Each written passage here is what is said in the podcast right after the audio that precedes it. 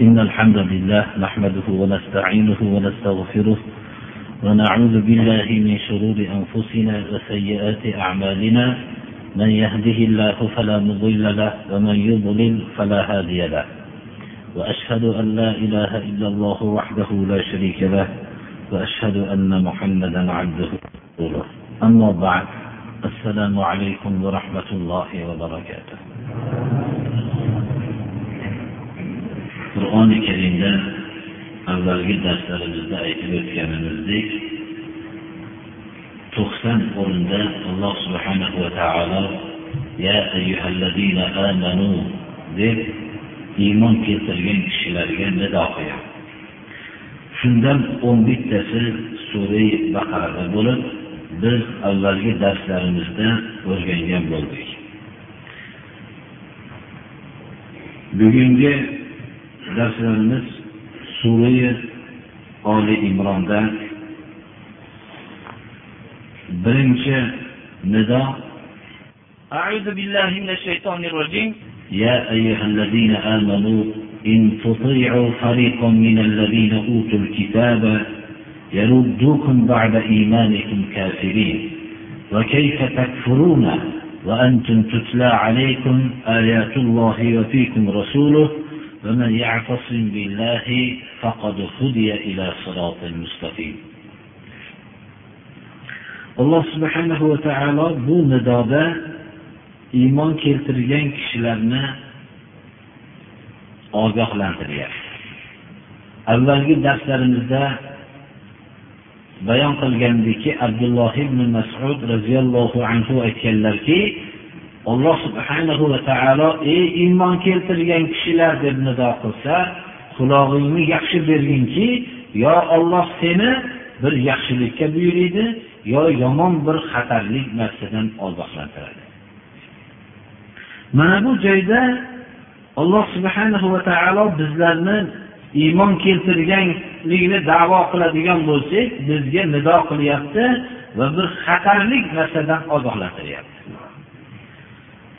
Surai oli imrondagi nidolar aksarlari xatarli narsadan ogohlantirishlikka dalolat qiladi. Ey iymon keltirgan kishilar kitob berilgan ahli kitoblarning bir toifasiga agar itoat qilsanglar ya'ni fariqon yoinki bir toifasi yoinki har qanday toifasiga ahli kitoblar yetmish uch firqaga bo'linib ketdi. Ahli kitoblarning qandaydir bir toifasiga qaysi toifasiga bo'lsa ham ergashsanglar sizlarni ular iymon sifatiga ega bo'lganinglardan keyin kofirlikka qaytaradi. Demak ahli kitoblar kimlar? Aksarlari yahud nasorolar. Bular kitob berilgan kishilar ilmli kishilar. Bularga tavrot va injil berilgan. Shularning har qanday toifasiga ergashgan bo'lsanglar sizlarni iymon sifatiga ega bo'lganinglardan keyin kofirlikka qaytaradi. Mana bu oyat hozirgi iymon keltirgan kishilar nihoyatda ogohlanadigan narsa. Tekshirib ko'rsangiz hozirgi vaqtda musulmonlar qo'llarida har xil kitoblarni ushlashib yuribdi. Ular ahli kitoblarning kitoblari. Ular dunyoning hamma tiliga tarjima qilingan. Mana bu kitoblardan chiroyliligi varaqlarning go'zalligiga aldanib shu narsalarga qarashib boryapti. Olloh bizni ogohlantiryaptiki ahli kitoblar ya'ni yahud nasorolarning har qanday toifasiga itoat qilsanglar itoat alomatini o'zinglarda ko'rsanglar sizlarni iymoninglardan keyin kofirlikka qaytaradi deyapti alloh taolo. Demak islom manhajiy yo'ldir. Inson harakat qilar ekan manhaj asosida islomiy manhaj asosida harakat qilishlikka majburdir agar iymonni davo qilsa rasululloh sollallohu alayhi vasallam umar ibn hattob roziyallohu anhuning qo'llarida tavrotdan bir varaqni ko'tarib turganlarini ko'rdilarda yuzlari o'zgardi. Umar ibn hattobning qo'llarida turgan tavrotning bir varag'i o'zgartirilganligi hali noma'lum edi birodarlar.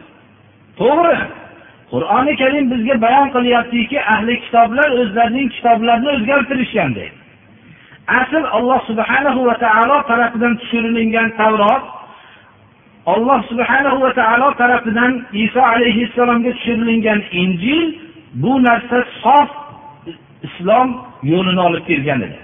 Lekin ahli kitoblar o'zlari hasad qilganligidan muhammad alayhissalomning arab millatidan qurayshning eng hurmatli xonadonidan chiqqanliklariga hasad qilib kitoblarni o'zgartirgan edi. Muhammad alayhissalomning sifatlarini tavrot injildan o'chirib yo'qotishgan edi. U kishining umar hattob roziyallohu anhuning qo'llarida turgan tavrotning bir varaq bu o'zgarganligi hali noma'lum edi. Lekin rasululloh sollallohu alayhi vasallam yuzlari o'zgardi. Shunda umar ibn hattob ollohning va rasulining g'azabidan panoh istayman deb ayblarini so'radilar. Shunda aytdilarki sen hali shubhadamisan ibn hattob dedilar. Yo rasululloh men bu tavrotning bir varag'i shuni o'qidim shundan deb o'zlari bundan bir yo'l istaganlik istagandim demadilar. Shu faqat o'qiganliklarini aytdilar. Shunda aytdilarki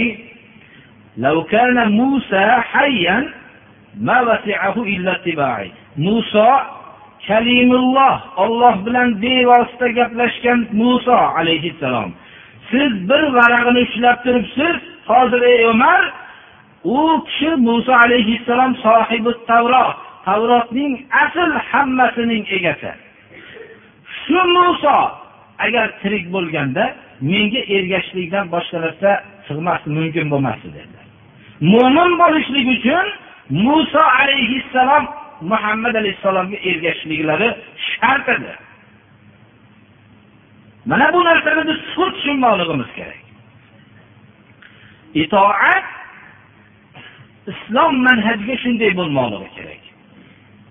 Ahli kitoblarning bir toifasi har qanday toifasiga ey mo'minlar agar ergashsanglar sizlarni mo'mini edinglar sizlarni kofirlikka qaytaradi. Demak bu yerda bir manhaj islomiy manhaj o'zgarmas qiyomatgacha muhrlangan manhaj. Bu manhajni muqarrar biz tushunib olishimiz kerak. Mukammal tushunishligimiz kerak. Alloh subhanahu va taolo mo'minlarni kofir bo'lishligini ajab narsa sanayapti kofir bo'lishlik nima? Kofir bo'lishlik uchun tamomiy narsadan voz kechishlik islomni buyruqlaridan voz kechishlik emas alloh saqlasin. Ahli kitoblarning har qanday toifasiga ergashishlik kofir bo'lishlik ko'zi kifoya qiladi deyiladi qanday kofir bo'lasizlar? Qanday kofir bo'lasizlar? Va antum tutla alaykum ayatulloh va fikum rasuluh qanday kofir bo'lasizlar sizlarga ollohni oyatlari tilovat qilinib turilgan holatda. Ollohning oyatlari tilovat qilinib turilingan. Bu oyatlar har bir oyat ollohning kalomi ekanligiga dalolat qiluvchi alomat belgi bo'lgani uchun ayat deyilgan. Ayat ollohning yakkaligiga dalolat qiluvchi bitta oyat emas bir necha oyatlar. Ollohning kalomi degan hamma oyat ollohning huzuridan ekanligiga dalolat qilardi. Mana bu kalom sizlarga tilovat qilinib turilingan holatda. Ichinglarda ollohni payg'ambari turgan holatda qanday kofir bo'lasizlar? Ana bu o'rinda muhammad alayhissalom ashoblar ichida turgan bo'lsalar muhammad alayhissalom vafotidan keyin muhammad alayhissalomning sunnati mo'minlar o'rtasida qiyomatgacha barqaror qoldi. Olloh o'zini dinini saqlashlikni va'da qilgan qiyomatgacha rasululloh sollallohu alayhi vasallamning sunnatlari barqaror qoladi. Sunnat takror aytamiz u kishining so'zlari va amallari va huzurlarda qilingan amalni taqrir qilganliklari. Sunnat uch qismni tashkil qiladi. Mana bu sunnat so'zlari va amallari biz payg'ambarimiz sollallohu alayhi vasallamning qanday holatda yurishlari turishlari o'tirishlari yotishlari ovqatlanishlari qanday tahorat qilganliklariga ergashmoqchi bo'lsak u kishining davrida suratkashlik rivojlangan emas balki suratkashlikka ashaddiy qarshi turganlar. La'nat aytganlar shunday qalblari mehr bilan to'lgan zot. Suratkashlarga la'nat aytganlar. Mana shunday zot suratkashlik yo'q bo'lgan davrda u kishining holatlari xuddi ko'rsatilgandek hadis kitoblarida saqlanib qolgan. U kishining hamma sifatlari oliy sifatlar ekanligini ko'rinib yaqqol ko'rinib turadi. Agar rasululloh sollallohu alayhi vasallamning sifatlarini bir qismi biror minnatning peshvosida bo'lganda odamlar u sifatdan boshqaga ergashmagan bo'lardi. Ammo rasululloh sollallohu alayhi vasallamdaqa komil inson bashariyat tarixida bo'lgan emas va qiyomatgacha bo'lmaydi. Mana bu kishining sifatlariga ergashmasdan yurishlikdan ko'ra katta nodonlik yo'q birodarlar chunki u kishining har xususan buyurgan sunnatlariga ergashishlikka biz majburmiz. Ammo ba'zi amallari targ'ib qilganlar xohlasak qilamiz xohlasak qilmaymiz ammo qilishlikda ajr bor bizga. Ba'zi amallarni muboh uchun qilganlar. Qilsak savob qilsak ham bo'laveradi qilmasak ham bo'laveradi. Lekin rasululloh sollallohu alayhi vasallamni yo'llarini qo'yib ahli kitoblarning bir toifasiga ergashsanglar degan narsa biz uchun bir xatar bo'lishligi kerakki biror bir sohada ergashishlikdan qo'rqishlik vujudga kelishi kerak. Biror sohada ergashmaslikka harakat qilmoqlik kerak.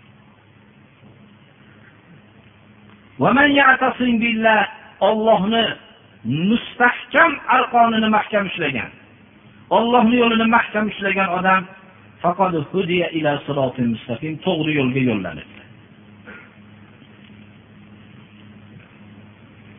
mana bu oyat bizga nihoyat darajada ahli kitoblarning har qanday toifasiga ergashib ketib qolishlikdan ehtiyot bo'lishligimizdan ogohlantirsa ikkinchidan ergashib ketib qolishlikdan saqlaydigan saqlovchi narsani ham bizga yo'llanma beryapti. Bu ollohning oyatlari va rasululloh sollallohu alayhi vasallamning sunnatlari ollohni yo'lini mahkam ushlashlik to'g'ri yo'lga yo'llanishligini bayon qilyapti. Demak bu biz faqat yo'lni kitob va sunnatdan olamiz. Rasululloh sollallohu alayhi vasallamning jomi so'zlari yuz minglab hojilar bor bo'lgan huzurda hajjatul vadoda aytgan so'zlari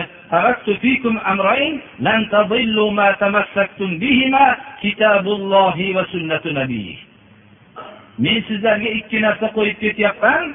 Agar mahkam ushlasanglar hargiz adashmaysizlar qiyomatgacha adashmaysizlar dedilar. Payg'ambarlar oltin kumush qo'yishib ketgani yo'q. Xalqlarni aldab pul sarf qilib o'zining yo'liga olib kelsin deyilgani yo'q. Islom odamlarningga pul sarf qilishlikka hojati yo'q. Islom haqiqat. Bu narsani oshkor aytishlik bilan odamlarning tabiatiga muvofiq keladida odamlar islomni qabul qilaveradi ammo boshqa maslaklarki ular pul sarf qilib aldaydi har xil kishilarning ellikta odamning o'zlarining botil ibodatlariga olib kelgan kishilarga sayyoralar va'da qiladi. Mana bunday botil u ko'p nodonlarcha targ'iblarga muhtoj bo'ladi. Ammo haq bo'lsa to'g'ri o'zini bayon qilishlik kifoya qiladi.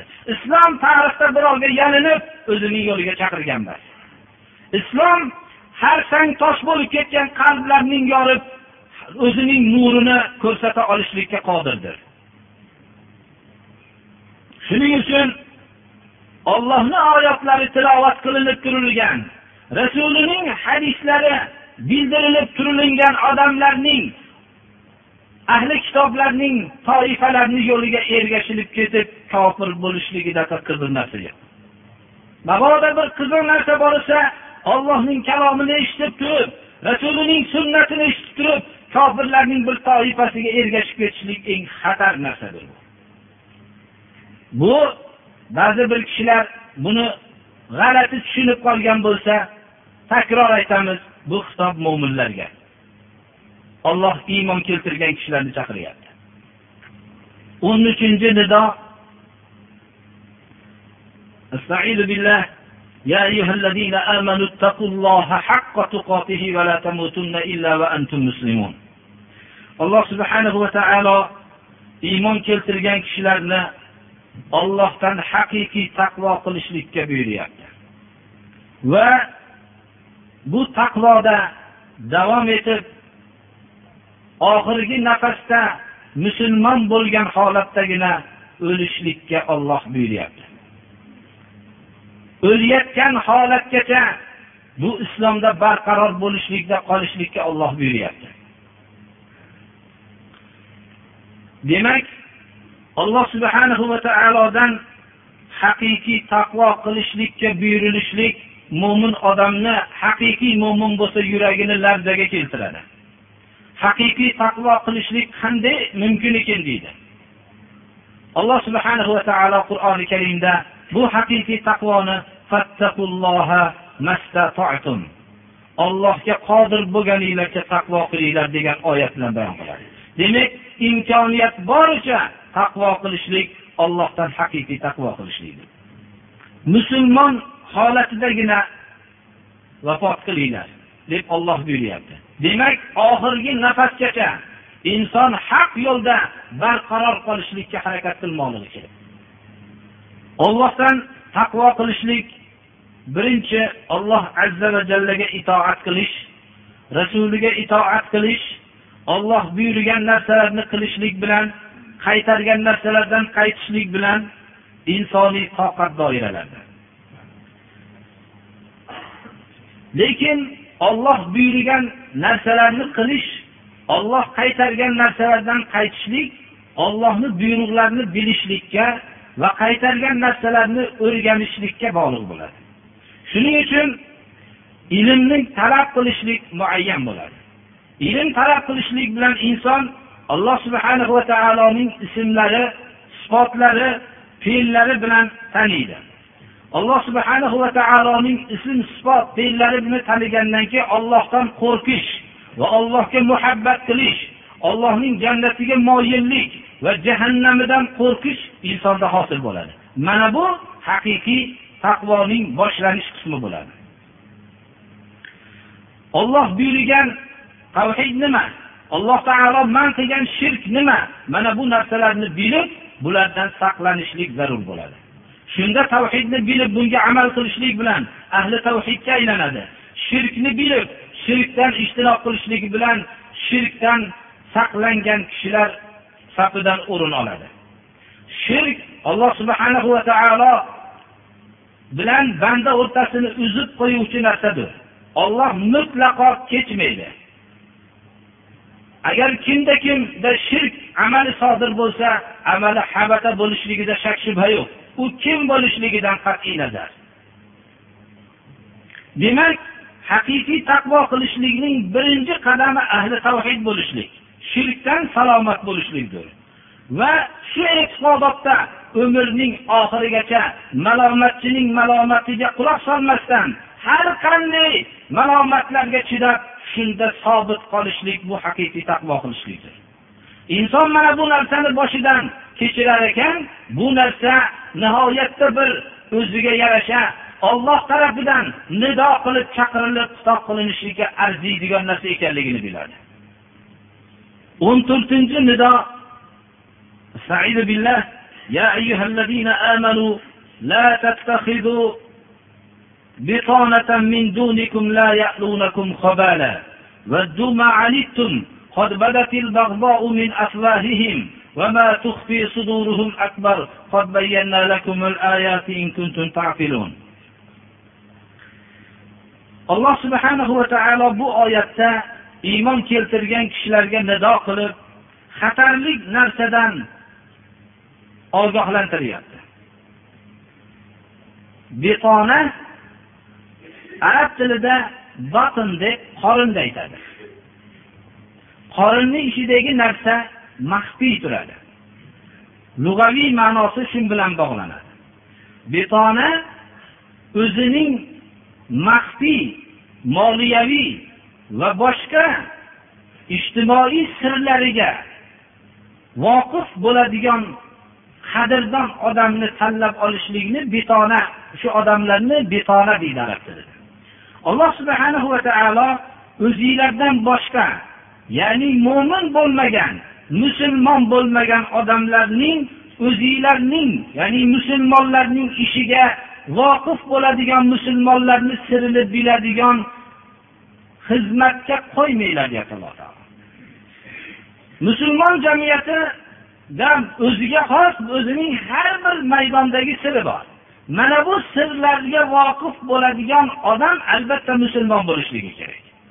Musulmon bo'lmagan odam bu sirlarga voqif bo'ladigan bo'lsa musulmonlarga zarar yetkazadi. Shuning uchun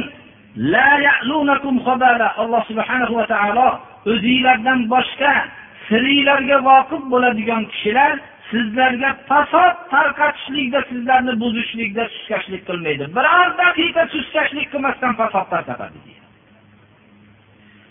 hayotda bir nazar tashlasangiz musulmon bo'lmagan kishi albatta musulmonlarning o'rtasidagi poklikni ko'rib ularni o'ziga o'xshagan buzg'unchi bo'lib fasod tarqatadigan odam bo'lmasa rozi bo'lmaydi. Chunki nopok narsa pokizalar ichida ko'rinib qoladi. Alloh subhana va taolo o'zinglardan boshqa betona o'zinglarni siringlarga voqif bo'ladigan kishilarni tanlab olmanglar. Ular sizlarga fasod tarqatishlikda suskashlik qilmaydi. Doim g'ayratlik bedor bo'lib uyqusiramasdan sizlarga fasodni tarqatishlikda suskashlik qilmaydi. Doim sizlarning mashaqqatda halokatda bo'lishinglarni juda ham yaxshi ko'radi. Bu nihoyatda yaxshi ko'rishlik. Sizlar zararlansanglar sizlar halok bo'lsanglar sizlar doim mashaqqatda bo'lsanglar shuni oh oh deb turib juda yaxshi ko'radi.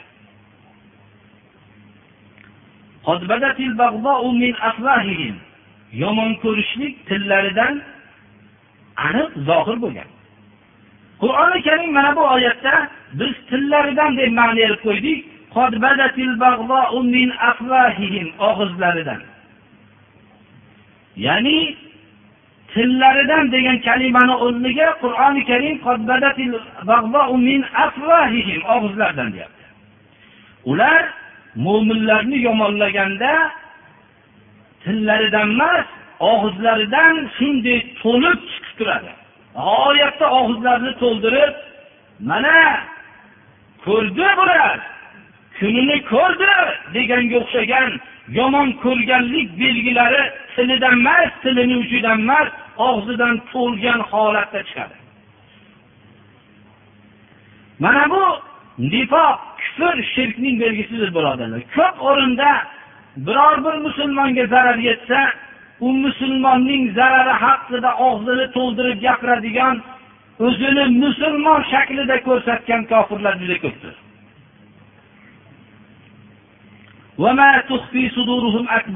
Bular til bu og'izlardan chiqqani bu. Dillarida bekitgani undan ham kattaroq. Bu oz deydi. Musulmonlar zarar ko'rsa bu musulmonlarga oz deydi ko'proq bo'lishligi kerak degan narsa dilida turadi.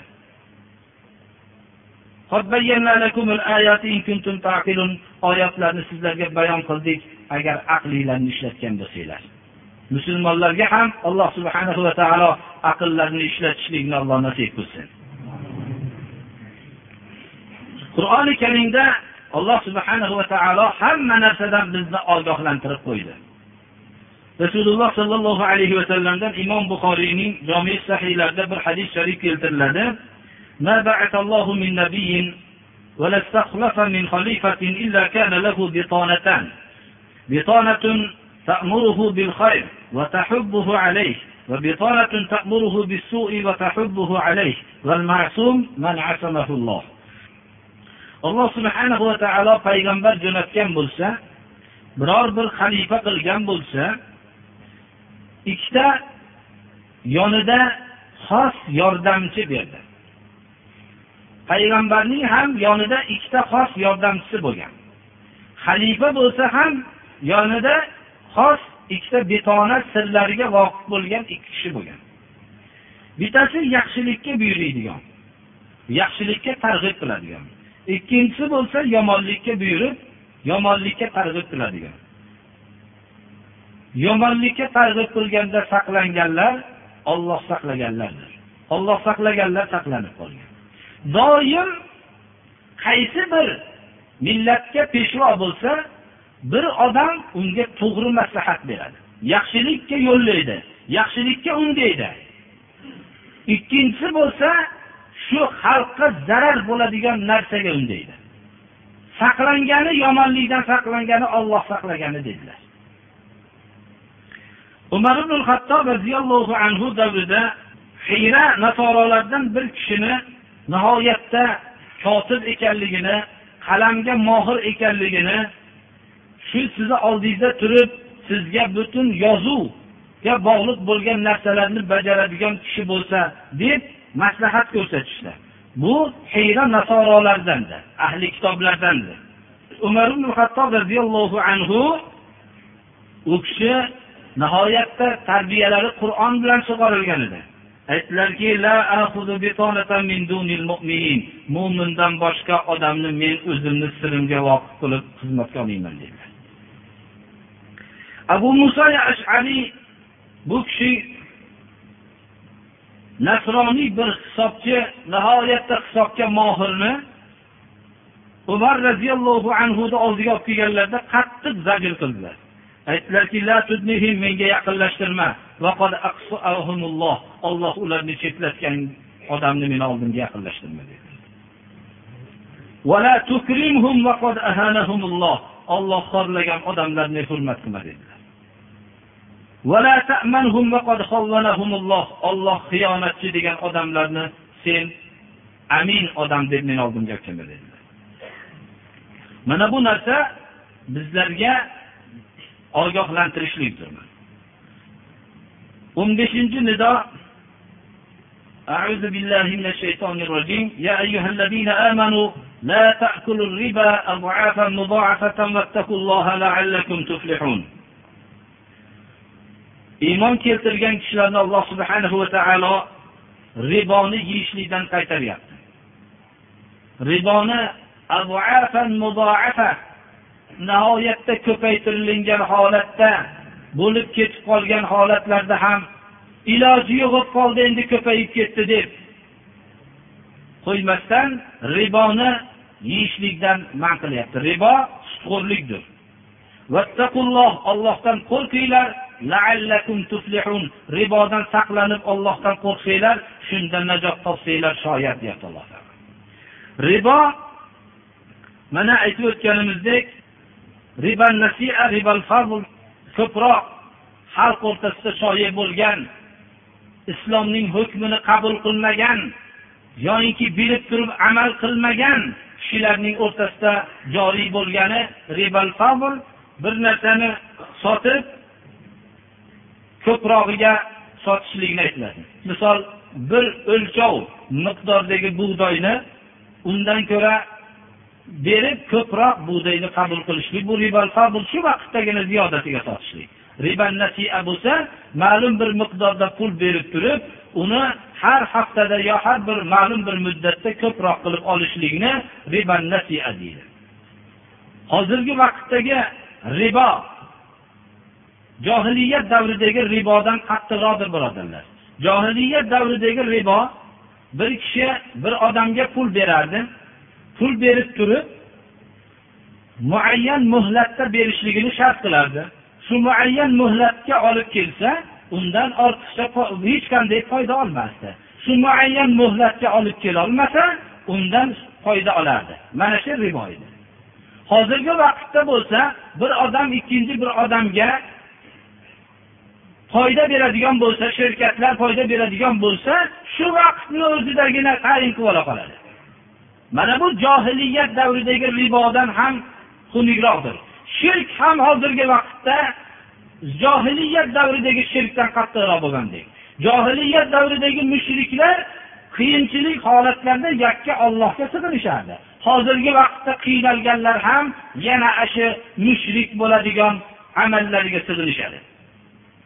Ribo qur'oni karimda qattiq suratda riboxo'r bo'lgan odam qiyomat kuni jin urgan odamdek shayton dovdiratgan odamdek o'rnidan turadi.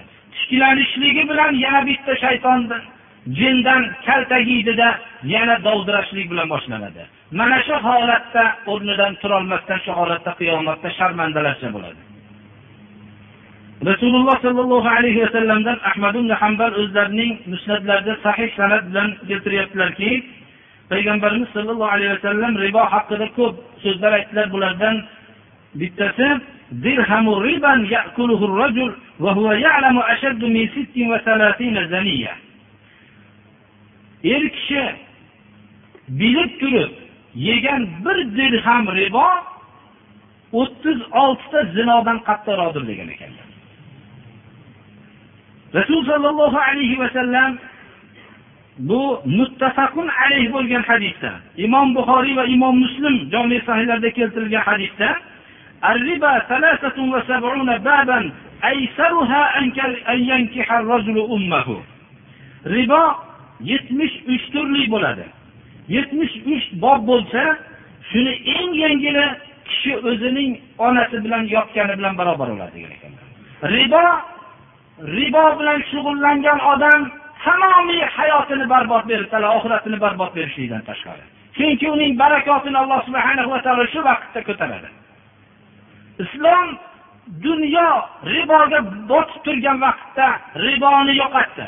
Rasululloh sollallohu alayhi vasallamning yo'llanmalari birinchi ribo amakim shug'ullanayotgan ribo bu ribo oyog'im ostida.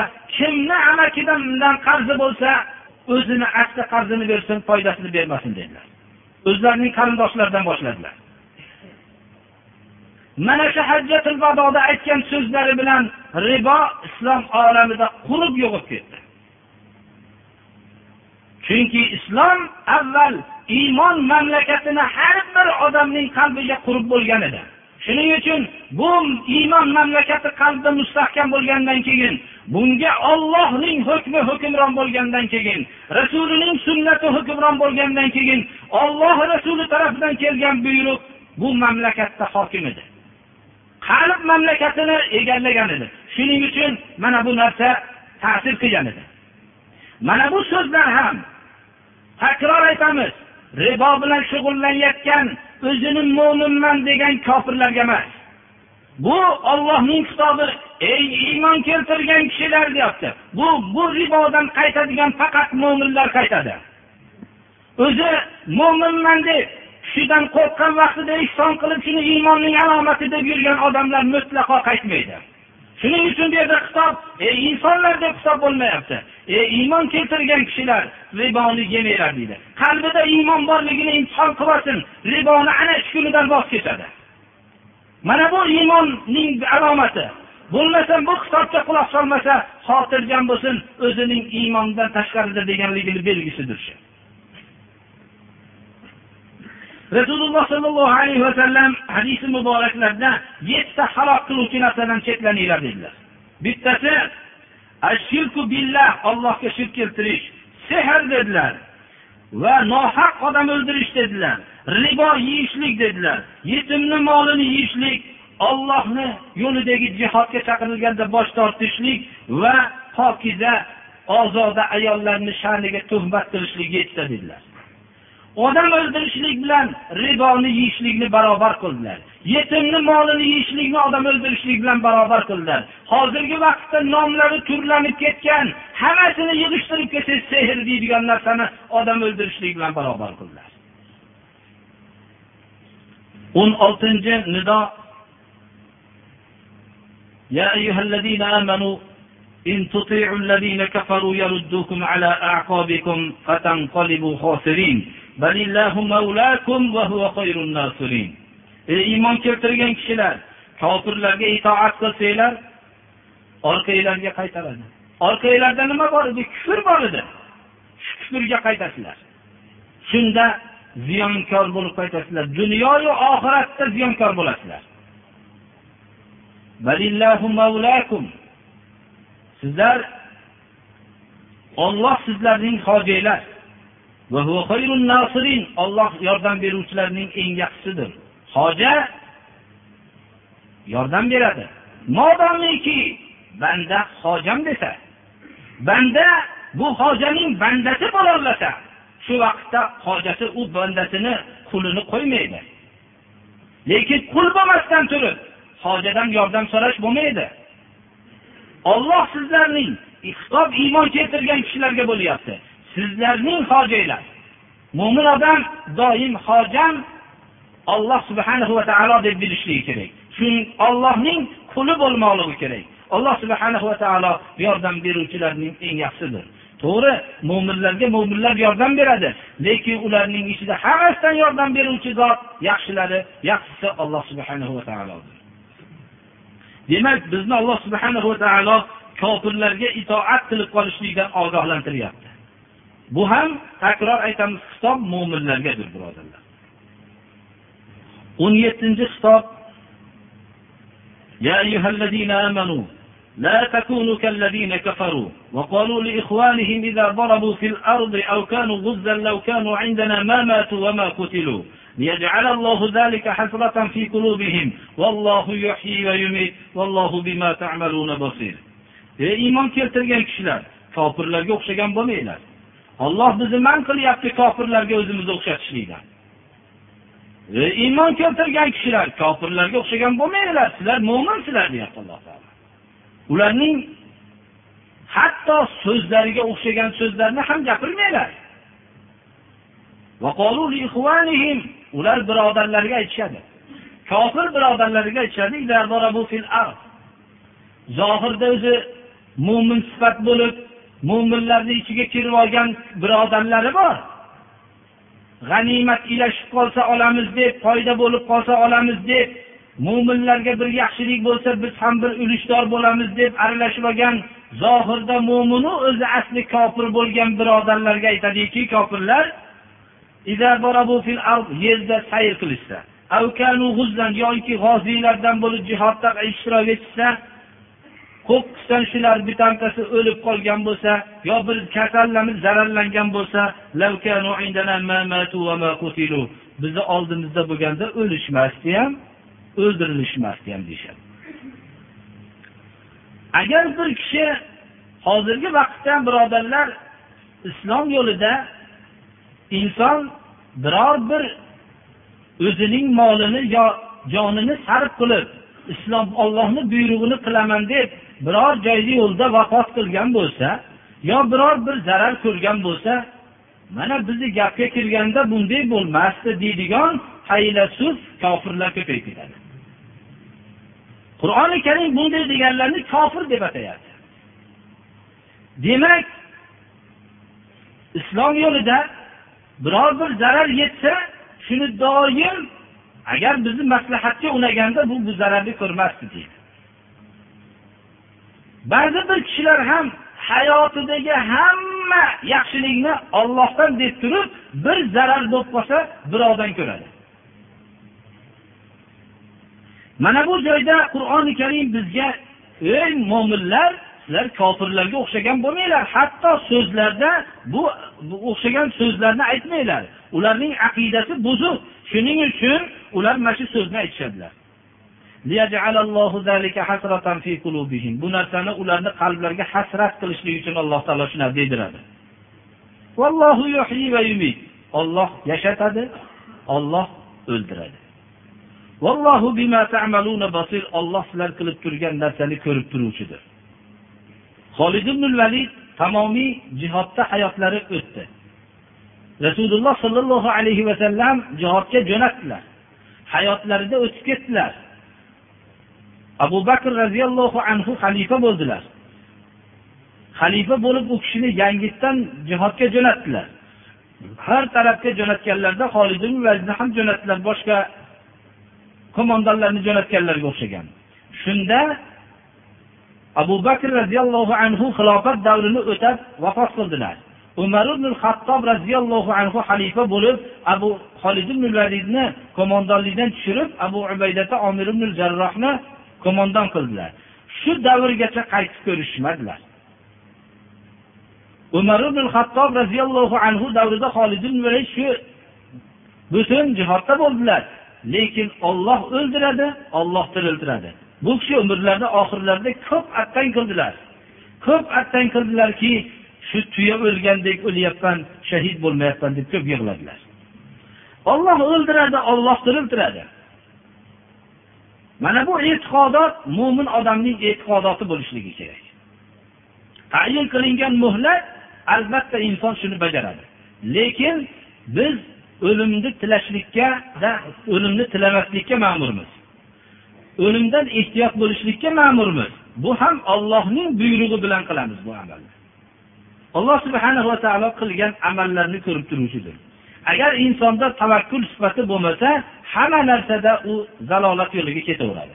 Misol aytaylik biror kishi bir farzandini tarbiya qilayotganda tavakkul bo'lmasa daraxtga chiqma desa daraxtga chiqarmasa uni borib borib daraxtga chiqmaydi tomga chiqsang yiqilasan qo'yib chiqma desa u bola hech qo'lidan bir narsa kelmaydigan bir bola bo'ladi ertamandan kechgacha o'tiraveradigan bo'ladi. Biror bir narsani tagida o'tirsa ham shu yiqilib ketadi deb yerdan jiladigan shu bir ochiq keng joyda o'tiradigan bo'ladi. Borib borib shu ochiq joyda o'tirsa ham yer cho'kib ketib qolarmikin degan tashvish bilan bo'ladigan bo'ladi. Hayotda agar masalan tavakkul sifati bo'lmasa insonni biror bir amal qilolmasdan o'tib ketadi. agar buni qo'yganda unaqa bo'lardi deydigan odamlarning e'tiqodi buzuq e'tiqoddir rasululloh sollallohu alayhi vasallam lo taqul lav dedilar lav demagin chunki lav shaytonni birinchi darvozasini ochib beradi dedilar mana qilsa unaqa bo'lardi desang shaytonni darvozasi ochiladi dedilar o'n sakkizinchi nido يا أيها الذين آمنوا اصبروا وصابروا ورابطوا واتقوا الله لعلكم تفلحون ey iymon keltirgan kishilar sabr qilinglar Mo'min odam da'vat ishini olib ketishlikda sabr qilishlikka majburdir. Hayotning hamma ishi mo'mindan sabrni talab qiladi. Sabr bir narsani olloh buyurgan narsani qilishlikdan to'xtab qolishlik emas. Buni to'xtamasdan olloh buyurgan narsani qilish va bu qiyinchilikka sabr qilishlikdir. Inson birinchi o'zini islom yo'lida nafsiga yoqmagan narsalarni ustida mahkam ushlashlik ustida sabr qilishlikka majburdir. Allohga itoat qilishlikka rasuliga itoat qilishlikka sabr qilishlikka ma'murdir majburdir. Allohni buyruqlarini qilishlikda o'ziga yarasha bir riyozati bor. Rasulining sunnatlarini bajarishlikda odamlarning masxaralariga sabr qilishlikka majbur bu narsalarga majbur bo'lib sabr qiladi. Alloh subhanahu va taolo harom qilgan so'zlardan o'zini tiyish harom qilgan fe'llardan o'zini tiyishlikda sabr qilishlikka ko'p majburdir. Hayotda musulmon bo'lib yashashlik uchun. Boshiga tushgan ba'zi bir musibatlarga mo'min birodarlarning boshiga tushgan musibatlarga sabr qilishlikka majburdir. Va o'ziga kelayotgan martaba butun davlat mana bu narsalarni kelishligiga sabr qilib tug'yon qilmasdan o'zini tutib olishlik ham bunga ham sabr qilishligi kerak bo'ladi. Shu bilan birga vasobiru sabrlashinglar. Sabr qilinglar va sabrlashinglarning ma'nosi shuki ro'baro'yingizda sizni masxara qilayotgan sizni islomdan uzoqlashtiradigan odam ham o'zining botil yo'lida sabr qiladi. Bu botil yo'lni mo'minlarning o'rtasiga olib kelishlikka qattiq harakat qilib sabr qiladi. Siz ham o'rtada sabr qilsangiz bu bilan sabrlashib sabr sifatida yengishlikka majbursiz. Shundagina alloh subhana va taolo bu so'zingizga ta'sir va g'alaba beradi. Sobiruni ma'nosi shudir. Ribot ma'nosi o'zini bog'lash. Aslida ribot o'zi o'zini nafs qiyinchiliklariga bog'lab turib islomiy hududlarni himoya qilib turishlik islomiy shaharlardan chetda bo'lgan islom hududlarini chegaralarini himoya qilib turishlik bu ribotdir. Alloh subhanahu va taolo bu ribotga har bir mo'minlarni buyurdi. Ribot rasululloh sollallohu alayhi vasallamdan anas roziyallohu anhu rivoyat qildilarki ribatu yawmin fi khayrun ma fiha.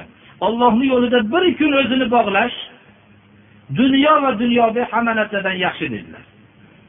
Imom muslim rivoyatlarida ribatu yawmin min shahrin bir kecha va kunduz o'zini olloh yo'lida bog'lash bir oy ro'za tutib kechqurun bedor bo'lgandan ko'ra yaxshiroq dedilar payg'ambarimiz sollallohu alayhi vasallam besh vaqt namoz o'qishlikni ham ribot dedilar jamoat bilan o'qishlikni. Dedilar. Besh vaqt namozni jamoat bilan o'qishlikni ham ribot dedilar. Haqiqatda ham o'zini ollohni yo'liga bog'lagan odamlargina besh vaqt namozni jamoat bilan o'qiy birodarlar. Bo'lmasam u besh vaqt namozni jamoat bilan o'qishlik uchun katta bir o'zini ollohni yo'liga bog'lagan kishi bo'lmoqligi kerak. Bo'lmasam bu ishni qilolmaydi mana bu nidodan keyin alloh subhanahu va taolo ollohdan qo'rqinglar shunda najot topasizlar deb taqvoga buyuryapti. Ribot sabr va sabrlashlikka buyurgandan keyin. Bu o'n sakkizinchi nido. Sura baqarada o'n bitta nido bo'lgan bo'lsa sura oliy imronda yettita nido bo'ldi. Iymon keltirgan kishilarga sura oliy imrondagi nidolar ham bugungi darsimizda tamom bo'ldi. Inshaalloh keyingi darsimizda surai nisodagi iymon keltirgan kishilarga bo'lgan nidolar haqida bahs yuritamiz. Inshaalloh bu savollar juda ko'p bo'lib ketibdi. Yana bir so'rayaptilarki hozirdagi jamoatlarni qanday jamoatlardan bo'ladi deb so'rayaptilar biz shuni bilamizki bitta jamoatni bilamiz. Qolganini hammasini zalolatda deymiz. U qaysi? Ahli sunna va jamoa hamma o'zini ahli sunna va jamoa degan odamlar davo bilan bo'lmaydi. Firqai noziya meni ummat boshqa ummatlar yetmish uchga bo'linadi dedilar. Meni um-, yetmish ikkiga bo'lindi meni ummatim yetmish uchga bo'linadi. Hammasi jahannam o'tida ammo bittasi najot topadi jannatda dedilar. U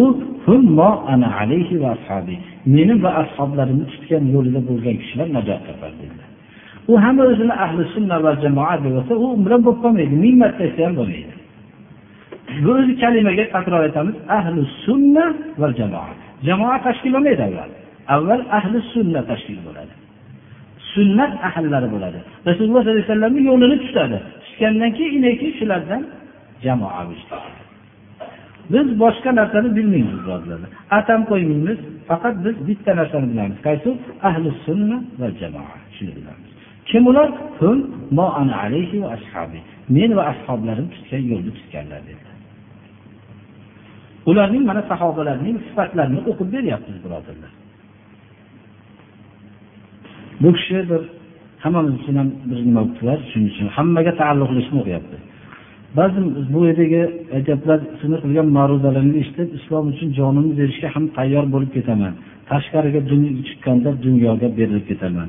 Shuni dedilar. Payg'ambarimiz sallallohu alayhi vasallamga sahobalar aytishardilarki yo rasululloh bu huzuringizda o'tirganimizda butun jannatni ko'rib shovqimiz keladi. Jahannamni ko'rgandek bo'lib unda panoh istaymiz. Tashqariga chiqsak yana bola chaqa tashvish boshqa narsalar bo'ladi dedilar. Amal qilinglar hamma o'zi bergan narsaga muyassar bo'ladi. Bu nifoq emas dedilar ya'ni inson har bir harakatida o'zi bir ta'sirlanib turishlikka muhtojdir. Shuning uchun mana qur'ondan hadisdan birinchi dars qilinishligi masjidda asli sir ham shu doim shunga intilib boradi. Inson nuqsondan doim xoli bo'lmaydi endi bu yerda duoyi qunutni duosini bilmaganlar u qiladi bu qiladi ketmaydi. Duoyi qunutni o'rgansin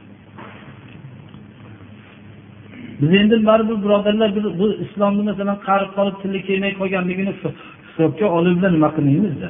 U o'rgansin to o'rganguncha alloh taolo gunohini kechirsin. Biz yana savollar beryapmizki ixtilofli masalalarga biz qaramaymiz. Ishtihodli mustahidlarni o'rtasidagi hadislarni olgan olmagan boshqa nimalarga biz qaramaymiz birodarlar. Biz muttafaqun alay bo'lgan narsani minbarda gapiramiz. Odamlar o'zlari hadislarni o'qishib amal qilishsalar marhabo deymiz ularga. Bitta sahih hadisga amal qilgan odamni hurmat qilamiz. Ammo biz minbarda muttafaqun alay bo'lgan butun hamma hadislar bog'lanib muttafaqun alay bo'lgan so'zni aytamiz. Ixtilofli masalalarga javob bermasligimiz bu bilmasligimiz yo boshqa narsadan emas. Bu minbar bir fikrni nima qilib aytmasligimiz kerak. Bu yerda aytyaptilarki mardikonni yoki ustani badandan ter qurimay turib rozi degan hadis eshitgandim. E, hadis bu larjimasi ya'ni bir ishlatgan odamni rozi qilishlik shartligi haqida hadis bor. Lekin tezroq rozi qilishlikni shunga kinoya qilingan. Lafziga nima qilinmasinki terisi qurib sal yuvinib tozalanib bo'lgandan keyin berilsa yaxshi bo'ladi. Bu birodarlar targ'ibot vositasi bilan eshitilingan narsaga iqtido qilib turishlik bo'lmaydi. Shu savol bo'lgan ekan. Yana bir odam so'rayaptiki ho'p mayli juda hamiyati bilan yozishsa javob bermasak bo'lmaydi. Hurmatli qora aka yaratgan robbimizni nima uchun sensilaymiz axir bu allohga nisbatan hurmatsizlik emasmi? Agarda hurmat yuzasidan ya'ni yaqin olib e, sensiraydigan bo'lsak ota onamizni ham hurmat yuzasidan sensirasak bo'ladimi yo'qmi? degan savol o'tdi. Qur'oni karimda alloh subhanahu va taologa sen deb xitob qilingan. Anta payg'ambarimiz sallallohu alayhi vasallam biz rasulimiz rasululloh alloh subhanahu va taologa anta deb xitob qildi. Biz ham shunday xitob qilamiz. Qur'oni karimda alloh taolo o'zini shunday e, bir bayon qilgan joyda yerni biz tekisladik qanday yaxshi tekislovchimiz deb unda ko'plik bilan keltirdi. Ya'ni olloh o'zini tekislab o'zi yaratganligida shak shubha yo'q. Shunday bo'lib tursa ham biz deb gapiryapti alloh taolo. Demak biz o'zimiz bitta ishni qilgan bo'lsak men qildim deymiz. Men qildim emas o'zi aslida olloh madad berganligi uchun qilganimizdan keyin buni men deganni yig'ishtirishlik uchun qur'on bizga hidoyatdir o'rinda ammo sen deb hisob qilishligimiz biz banda tarafidan ollohning yakka yagonaligida hatto o'zi ko'plik siygasini hurmatga iste'mol qilingan siygani ham iste'mol qilmaslik bu tavhidga yaqinroqdir tushunarlimi? Meni juda ominni baland ovoz bilan aytishlikni fazilatini aytib bering deyaptilar. Bu yerda birodarlar biz uni fazilati tomoni bilan ishimiz yo'q. Rasululloh sollallohu alayhi vasallamni masjidlarda ashoblar ominni oshkor aytganliklari uchun biz aytamiz. Bizga shu fazilat kifoya qiladi. Buni aytilganlari bor va aytilganlarni aytgan e, imom g'alabdolin desa omin deyiladi. Chunki kimni omin kalimasi maloikalar ham omin deyishadi. Omin maloikalar omin bilan bir xil bo'lib qolsa shunda o'tgan gunohlari hammasi mag'firat qilinadi degan hadislar bor.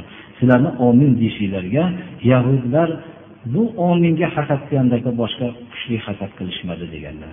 Nihoyatda mo'minlarni shu omin deganda bu ular hammasi gunohdan toza bo'lib ketishadi deb ko'p hasad qiladi. Bunga qarshi bo'layotgan odamlar ham bunga ehtiyot bo'lishlik kerak. Kimlarga o'xshab qolayotganligini. Duo qilib ba'zi xatlarni o'qiyolmaganimizga uzr birodarlar. Alloh subhanahu va taolo betoblarga Alloh shifo bersin, qarzdorlarga najot bersin. Alloh subhanahu va taolo ilm talab qilayotganlarga Alloh ilm bersin, amal qiladigan ilm bersin. Bizni ham shu kichkina jamoamizga jome madrasa masjidining haq yo'ldagi xizmatlarga alloh taolo o'zi najot bersin. Shu yo'lda xizmat qilayotganlarga alloh taolo tandurustlik bersin va so'zlariga ta'sir bersin. Alloh subhana va taolo ularni har bir qadamini ajrli qilsin. Alloh subhana va taolo hammamizni ham islomga xizmat qiladigan kishilardan qilsin. Alloh subhana va taolo hammamizni ham haq yo'lda barqaror bo'lishligini allohdan haqiqiy taqvo qilishlikni o'layotgan holatimizda musulmon bo'lib o'lib ketishlikni alloh taolo nasib qilsin. Qiyomat bo'lmasdan ilgari o'lishlikni alloh nasib qilsin. Hamma shu narsani tilab yurishlik kerak. Chunki qiyomat bo'lganda tirik qolgan odamlar eng yomon odamlar bo'ladi. Alloh subhanahu va taolo hammamizni ham haq yo'lda barqaror qilsin. Farzandlarimizni solih solihalardan qilsin. Oilalarimizni haq yo'lda barqaror qilsin. Oilalarimizni ham alloh taolo islom haqiqatlarini bildirsin.